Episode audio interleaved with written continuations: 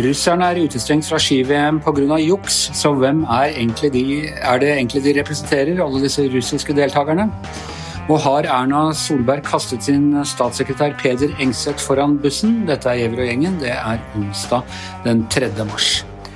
Ja, For å gå rett til deg, politisk redaktør Hanne Skartveit. En selsom eh, pressekonferanse eh, hasteinnkalt i går kveld.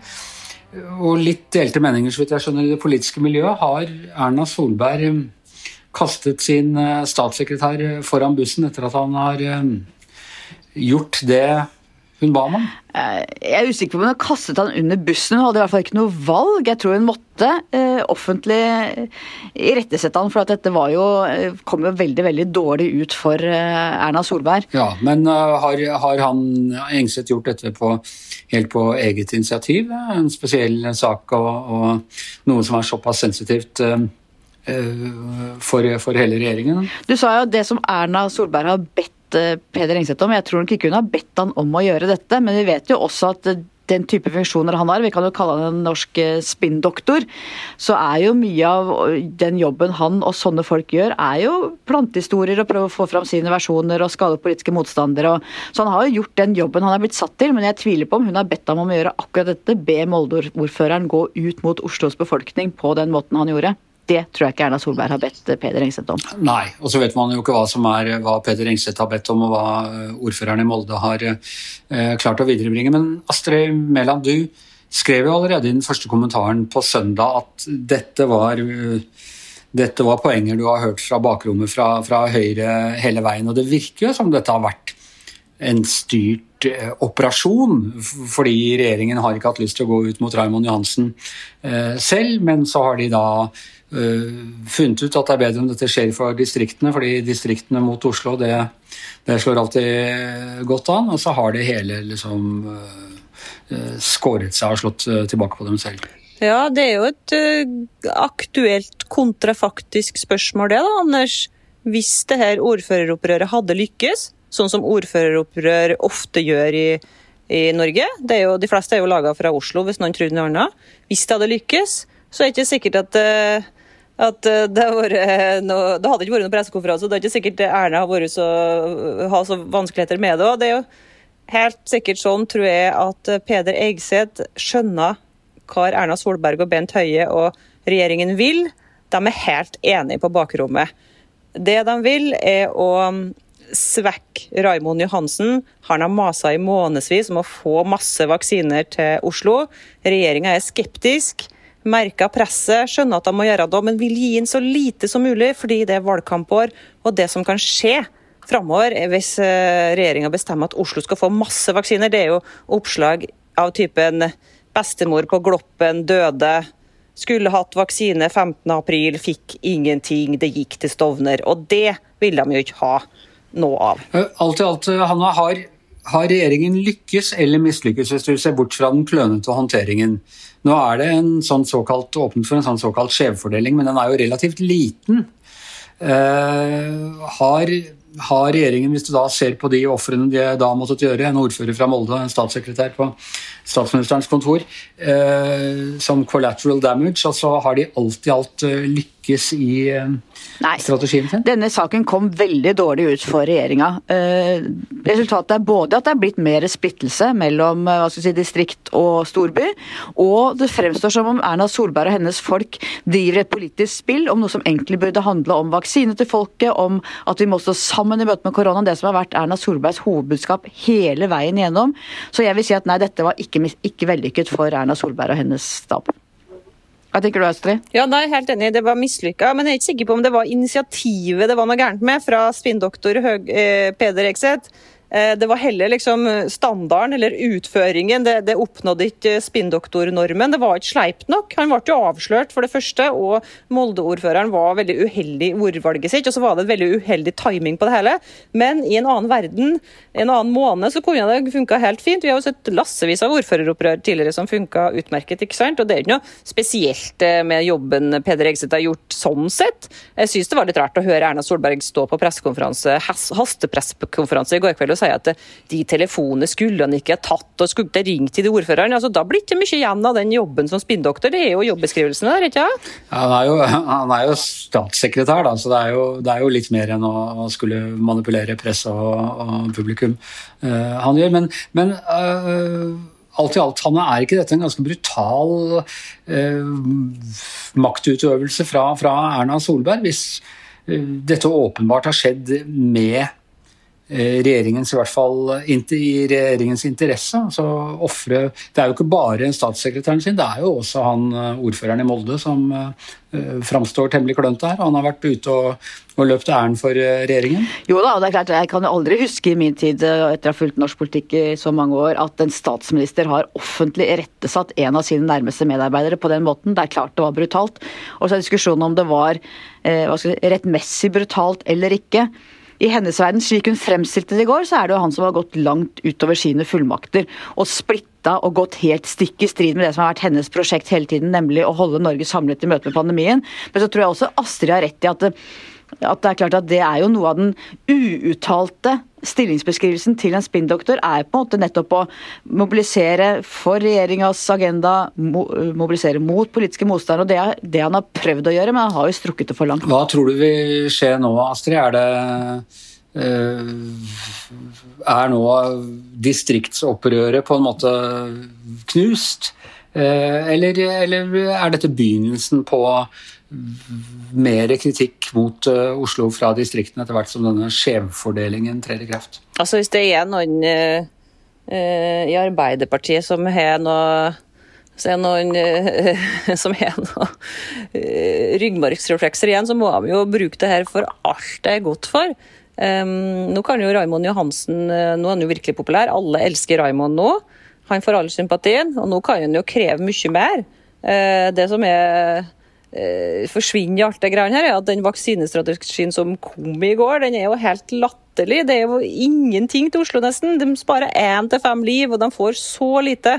Og Det er jo selvfølgelig det regjeringa håper på, sånn at de slapp å få sure vestlandsordførere og sånn. Men Raimond han kan jo lese det der dokumentet som kom, og så kan han si at det som er det faglige rådet her, er å gi Oslo mye mer, og dere later som det er politikk. Det er jo det som er det sleipeste i det her. Så han kan virkelig rase nå hvis han eh, benytter han kan det. altså. Kommer han til å gjøre det, tror du, Hanne?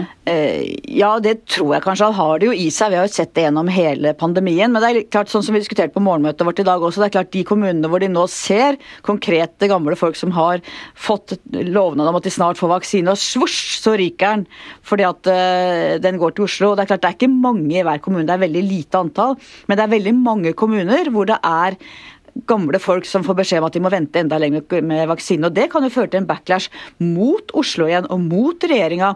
Fordi at det er veldig mange spredt utover hele landet er denne belastningen. Tynt, tynt, tynt eh, spredd, men like fullt spredd over mye var det 330 ulike kommuner. Så det er klart at det kan jo også slå tilbake på både Oslo og på regjeringa i neste omgang. Det er, det er, lagt grunnlaget for en ganske vond eh, strid. og Som vi også diskuterte på morgenmøtet i dag, burde man ha lagt strategien annerledes fra begynnelsen av? Burde man sagt fra utgangspunktet at du må legge rent smittevernfaglige, vaksinefaglige eh, vurderinger til grunn når du skal lage denne vaksinestrategien, og vaksinere mest i de store byene hvor smitten sprer seg mest. Det har vært mye lettere enn å nå justere på kursen etter at folk har fått løfter om vaksiner der hvor de bor rundt om i landet. Jepp, vi får se. Det, dette kommer nå altså til å gli over i valgkampen, og det blir neppe noe vakrere av det.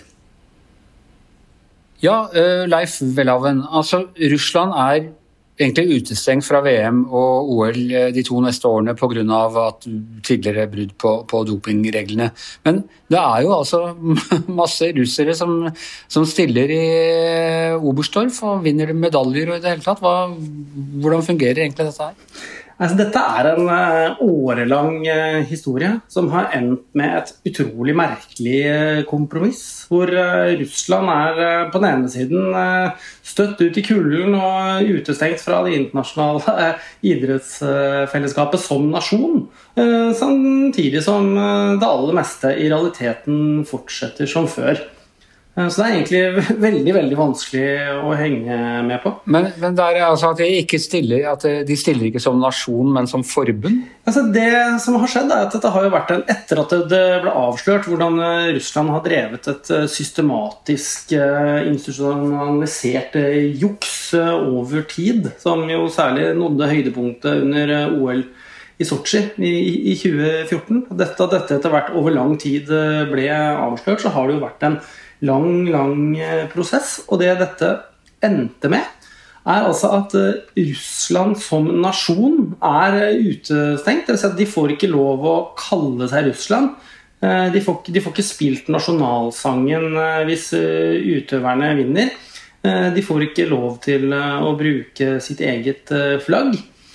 Eh, og så er det da altså, satt noen kriterier om eh, hvem som får være med og hvem som ikke får være med osv. Men eh, altså, i realiteten så er altså straffen blitt så til de grader utvannet at du ser egentlig veldig liten forskjell. Det kommer til å være en kjempestor russisk tropp som da kommer til å hete ROC under uh, sommer-OL i, i, Tokyo til sommeren. Så da heter det, står for det russiske olympiske komiteen. Mens uh, nå i uh, ski-VM i Oberstdorf så er det altså RSF, altså det russiske skiforbundet, som er da de som stiller til start.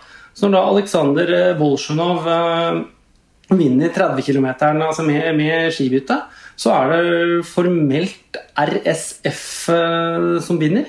Selv om de altså omtales som Russland på akkurat vanlig måte både her og der. Men hva, hva skjer f.eks.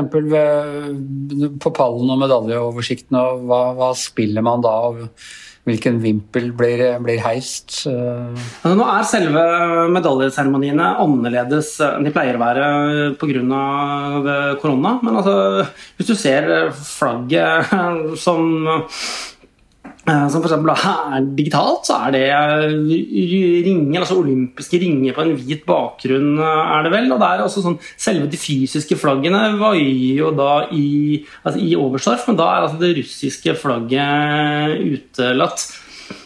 Og Da er jo det store spørsmålet sett opp mot uh, at du har altså, rene utøvere verden rundt som fikk drømmene sine knust uh, over lang tid pga. et systematisk uh, russisk dopingbedrag, så er altså det, altså det, store spørsmålet om en liksom papirstraff som har det er noen straffemessige elementer, og det er utøvere som er utestengt. Men altså, i det store bildet så er altså straffen så til de grader utvannet at eh, i hvert fall slik jeg ser det, så er det en kjempemismatch mellom hva Russland altså som, eh, som system Eh, sørget for hva gjelder å bryte Fair Play, sett opp mot altså, hvor billig de kommer unna. Men så er det også selvfølgelig at det er et problem selvfølgelig som anføres andre veien. og Det er at det finnes særlig en yngre generasjon av russiske utøvere som aldri har gjort noe galt og ikke har juksa. og Da er jo det store spørsmålet hvor mye skal du ramme enkeltindivider ved at du altså, straffer et større system. Sett opp mot at altså, hele dette systemet handlet jo om å manipulere dopingprøver, bytte ut uh, urin. Senere har man altså manipulert og falsifisert datamateriale for å, for, for å bare slippe unna å bli tatt.